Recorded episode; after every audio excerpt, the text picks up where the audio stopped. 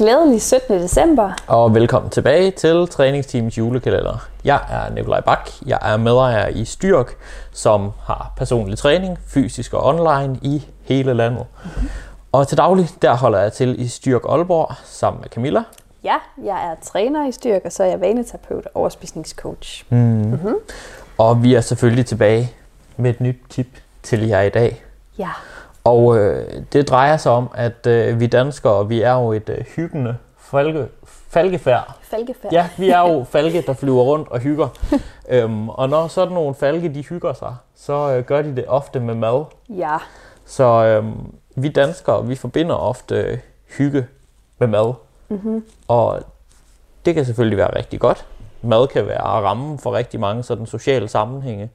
Øhm, men det betyder også, at sådan en højtid som julen for eksempel, eller fødselsdage, eller mærkedage, eller basically året rundt, hvor der er et eller andet, man skal fejre, så kommer det ofte til at være centreret omkring maden. Og det kan godt være rigtig svært, hvis man i forvejen er udfordret på sine spisevaner. Ja.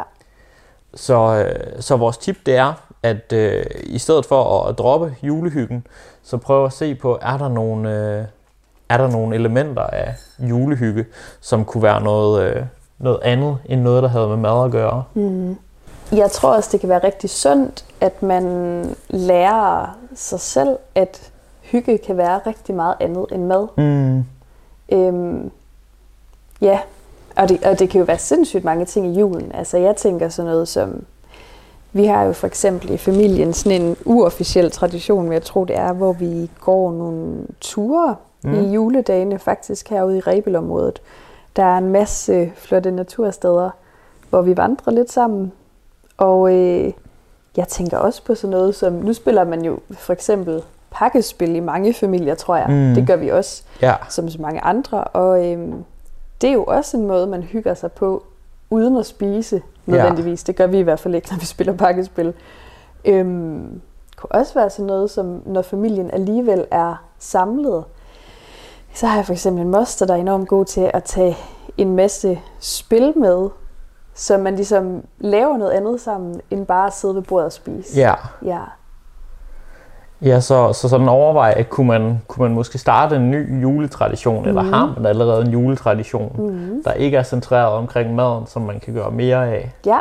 Øhm, jeg synes faktisk, det er sjovt, det der du siger med, og det er nok også meget sundt at vende sig til, nu citerer jeg bare løst, fordi det var nok ikke 100% det, du sagde, men det her med, at det, det er nok også rigtig sundt, at, øh, at man ikke sådan skal forbinde hygge udelukkende med mad, Ja.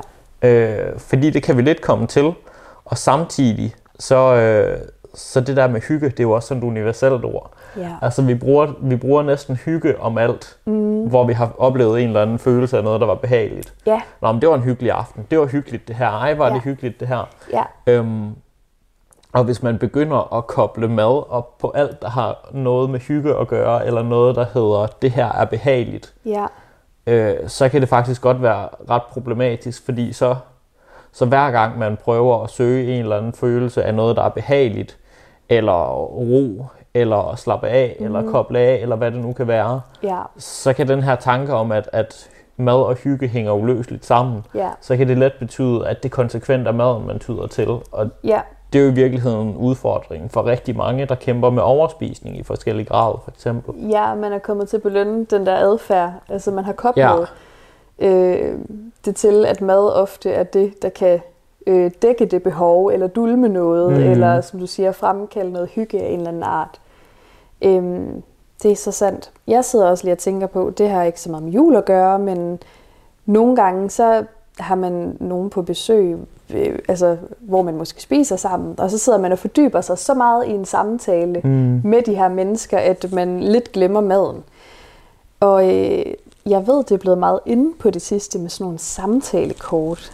Øh, Ja. Også om, øh, nu ved jeg, at Mørkeland har lavet nogle samtalekort omkring, altså sådan, hvor man trækker nogle kort, der skal svare på nogle spørgsmål og sådan snakke om nogle emner. Øh, altså, der er jo mange måder, man kan lave noget andet sammen Ja. på. Øh, og ligesom nyde hinandens nærvær, i stedet for, at man spiser, og så sidder man lidt og snakker Ja, om, nå, hvad, så er der dessert. ja, hvad, hvad, hvordan går det på arbejde? Ja. Hvad er det nu, du laver egentlig? Det har jeg lige glemt. Ja. Altså, så, bliver, så er det ligesom maden, der er centrum, og så sidder vi der egentlig bare sammen for at spise. Ja, mm. jeg kommer også til at tænke på de her brætspilscaféer. Ja. Altså også fordi café, det er jo noget, det der med Noget. at gå på café, det er jo noget, man forbinder med. Nå, så går man på café, så får man en gang nachos eller sådan et eller andet. Ja. Og så, øh, så er det ligesom det, der er centralt for hyggen. Men her har man jo næsten hacket café-konceptet, så det ikke handler om mad længere, men Ja. at man tager dig ind for, for at lave brætspil. Og jeg synes generelt det der med sådan, øh, sådan brætspil og forskellige sådan selskabsleje og sådan noget, det, øh, det, det kan sgu noget godt. Jeg er det, helt enig. Det får tit folk til at grine og Ja, have det sjovt sammen. og jeg synes, i sådan nogle situationer er det tit øh, nemmere at være nærværende. Altså Ja. at lukke andre tanker ude, altså øh, bekymringer, spekulationer, tanker om fortid, tanker om fremtid, øh, fordi man fordyber sig i spillet og nærværet med de andre. Ja. Så har man brug for inspiration til, øh, til en ny juletradition, der ikke var centreret omkring maden, så kunne det godt være, at man skulle kigge mod nogle øh, forskellige brætspil eller noget af den stil. Det kunne også godt være en juletræning sammen i familien. Ja. Vi, eller nu er det ikke så tit, jeg lige har trænet med min familie, men jeg har, jeg har også prøvet at have sådan nogle fire, øh, den 24. decembers træning, sådan en juleaftens træning på selve juleaftensdag. Det er det er også hyggeligt. mega hyggeligt. Ja, så der er mange gode bud. Plejer der at være et specielt tema for den? Øh, Er det sådan 24 reps i Ja, alt, det var det eller? jo. Det var det jo et år. Men det er sådan lidt forskelligt, hvad humøret lige er til, eller stemningen lige er til de Ja. forskellige år. Men det, det synes jeg er meget hyggeligt, sådan lidt symbolisk også, at man lige har en eller anden træningstradition sammen. Ja, Ja. fedt. Så øh, tænk over det derude. Ja. Det, var, øh, det var dagens juletip. Mm-hmm. Og så ses vi jo i morgen. Ja, tak fordi I lyttede med.